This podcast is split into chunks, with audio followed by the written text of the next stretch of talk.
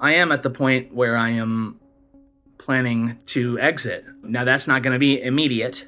If I wanted to leave today, that would be impossible. There's no flights out. no, there's nothing. Uh, and and even the flights that you could, you know, go on to a travel site, where I think there's something like ten thousand dollars per seat. It's something absurd. Etter 14 år som historielærer i Shanghai i Kina vil Chris Stewart pakke kofferten og ta med familien hjem til USA. For Kina er ikke lenger det eventyrlandet som han reiste til. Chris er ikke alene. For nå pågår det en masseflukt av både kinesere og utlendinger fra Folkerepublikken. Hva er det med Kina som gjør at folk stikker? Og hva vil det si for resten av verden? Du hører Forklart fra Aftenposten, og jeg heter Synne Søhol. I dag er det tirsdag 10. mai.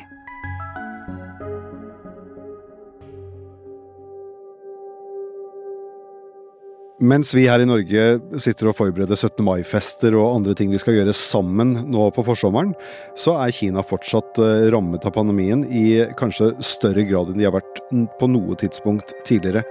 Aftenpostens journalist Kristoffer Rønneberg har tidligere jobbet som reporter i Beijing og skrevet hundrevis av saker om Kina. Altså, Kina var jo det første landet som slet med denne pandemien etter at det ble oppdaget i, i, Wuhan. Og nå virker det som det også kan bli det siste landet som har store problemer pga. dette koronaviruset. Altså, de siste månedene så har omikron-varianten ført til at den ene byen etter den andre rett og slett har blitt stengt ned. Og akkurat nå så er det rundt 180 millioner mennesker som er rammet av en eller annen form for, eh, for lockdown i Kina.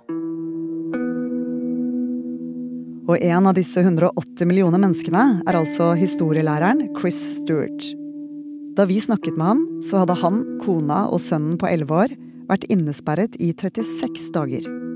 In terms of what life is like, very briefly, very boring.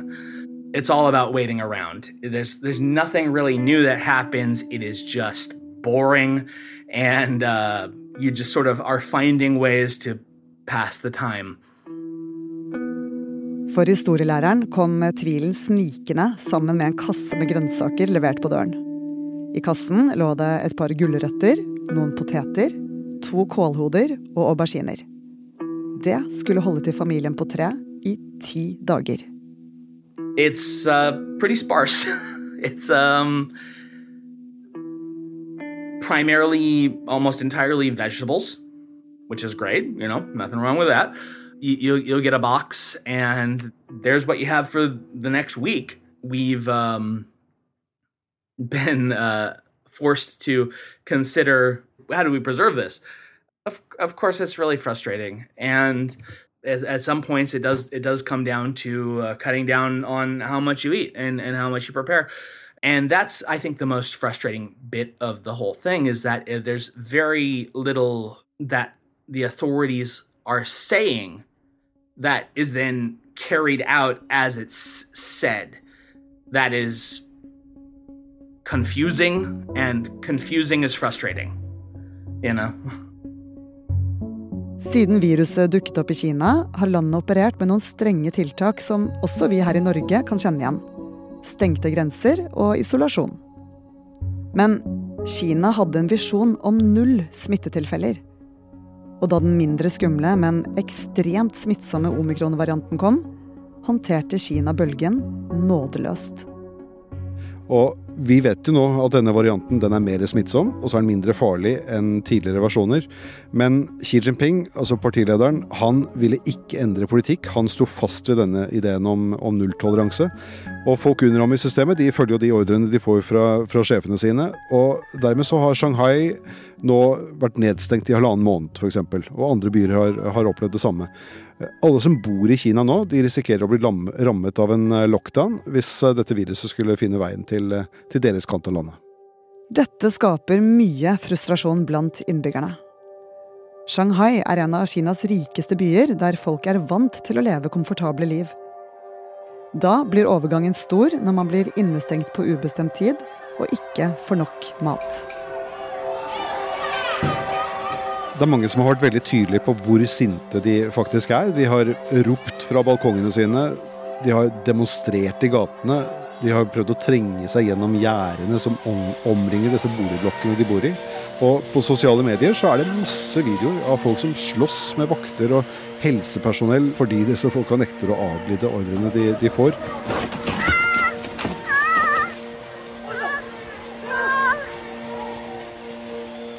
De strenge og brutale pandemitiltakene gjør altså at både innbyggere og utlendinger rømmer landet.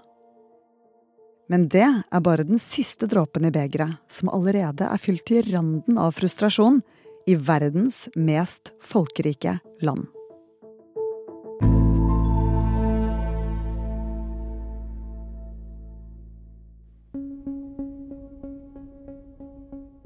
Før denne pandemien så regnet man med at det bodde i underkant av en million utlendinger i Kina. Og rundt halvparten de var der på en eller annen form for jobbvisum, og så var det andre som var i landet for å studere, eller som hadde giftet seg lokalt og, og bosatt seg i Kina eh, mer permanent. Altså, Kina har jo hatt en enorm økonomisk vekst de siste tiårene, og det har gjort dette landet veldig attraktivt for utlendinger som skal søke lykken, eller, eller folk som rett og slett bare er der for å lære mer om, om, om Kina.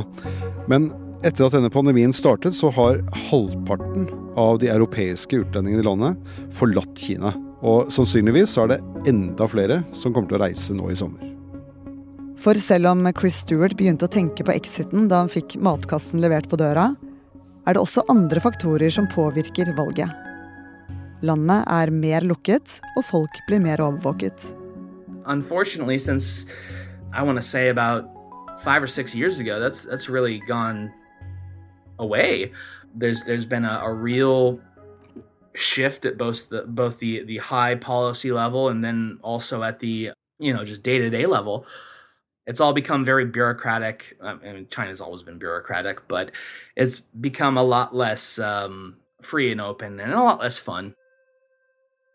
Det er ting som dette som gjør at utflyttingen startet allerede før pandemien. Og nå sier 85% av utlendinger i Shanghai at de vurderer å flytte. Jeg eh, har ikke bodd der på en stund, men jeg bodde der i noen år før sommer-OL i 2008, og så husker jeg det som en utrolig spennende tid. Så det var masse samarbeidsprosjekter mellom Kina og andre land som jeg kunne dekke som, som journalist. Og så eh, var det en følelse av at globaliseringen var i høygir, og at Kina var en viktig faktor i den prosessen. Så det var liksom aktivitet hele tiden, og, og ting som gjorde at Kina og Vesten ble knyttet eh, tettere sammen. Men så skjedde det noe. Og, og, det begynte kanskje i tiden etter det OL i, i, Beijing i 2008, men så ble det veldig forsterket etter at Xi Jinping kom til makten i, i 2012.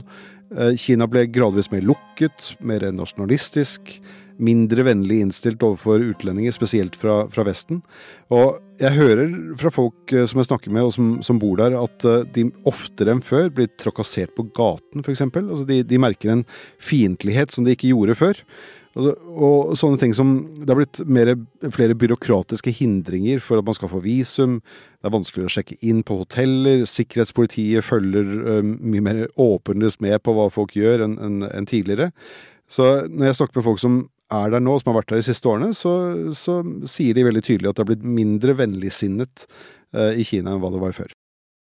Er det derfor folk velger å flytte? Det er nok én av uh, årsakene, men selvfølgelig så er det jo flere grunner til, til, at dette skjer. Og en av de andre grunnene det er nok at uh, internasjonale selskaper i større grad enn før bruker lokale uh, ansatte til å, til å, jobbe på kontorene.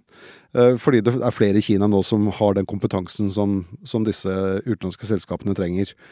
Eh, og så er det jo denne pandemien. da. Altså Kina har jo vært nesten hermetisk lukket siden begynnelsen av 2020.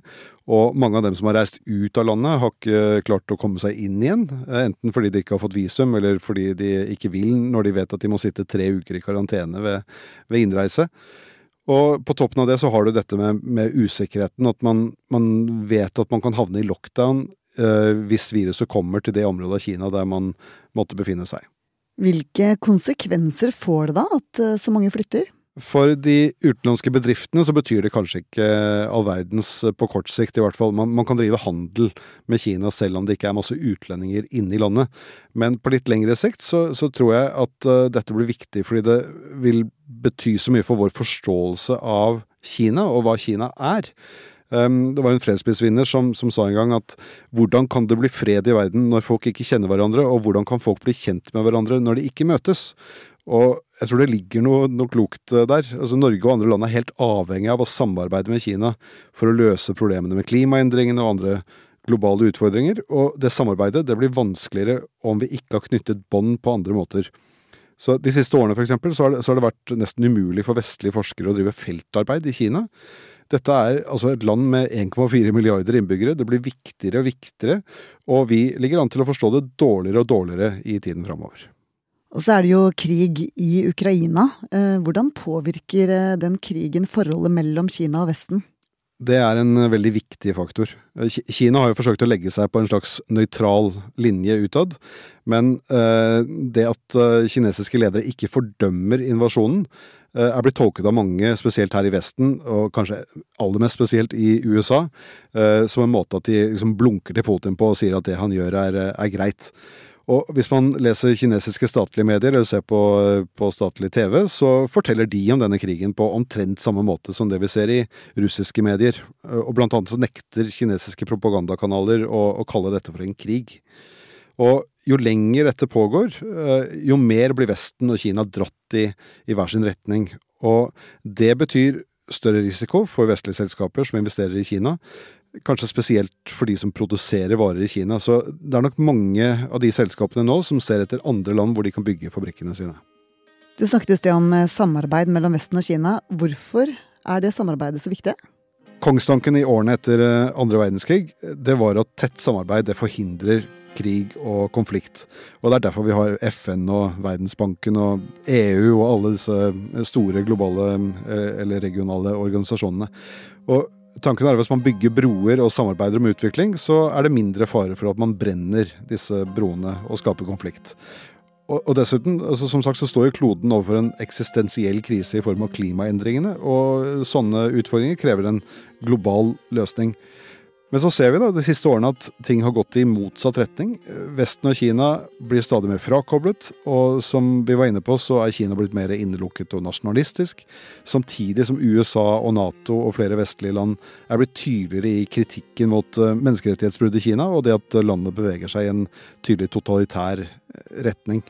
Så frykten for mange som ser på dette, er at eh, det går liksom sakte mot en form for kald krig der andre land i større grad enn før blir tvunget til å velge hvilken side de skal stå på, og hvem de skal holde seg inne med.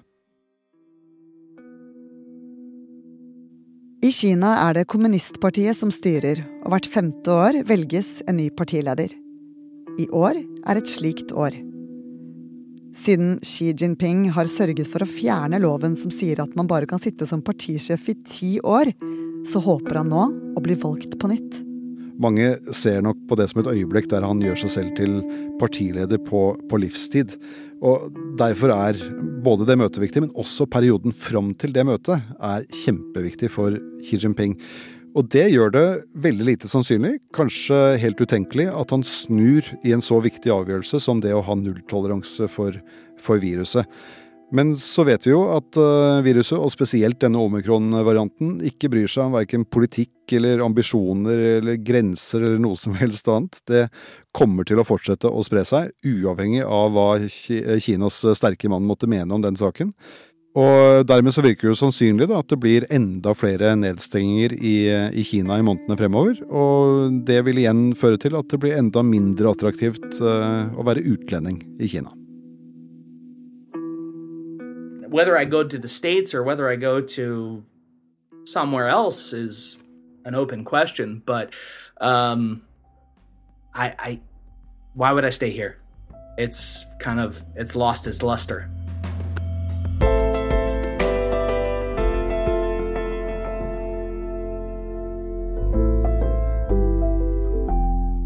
I denne episoden har du hørt Kristoffer Rønneberg forklare hvorfor utlendinger flykter fra Kina. Du har også hørt fra en av dem som reiser, amerikaneren Chris Stewart. Lyden ellers er hentet fra nyhetsbyrået AP. Det er produsent Fride Næss Nonstad og meg, Synne Søhol, som har laget denne episoden. Resten av Forklart er David Vekoni, Marte Spurkland, Anders Weberg og Anne Lindholm.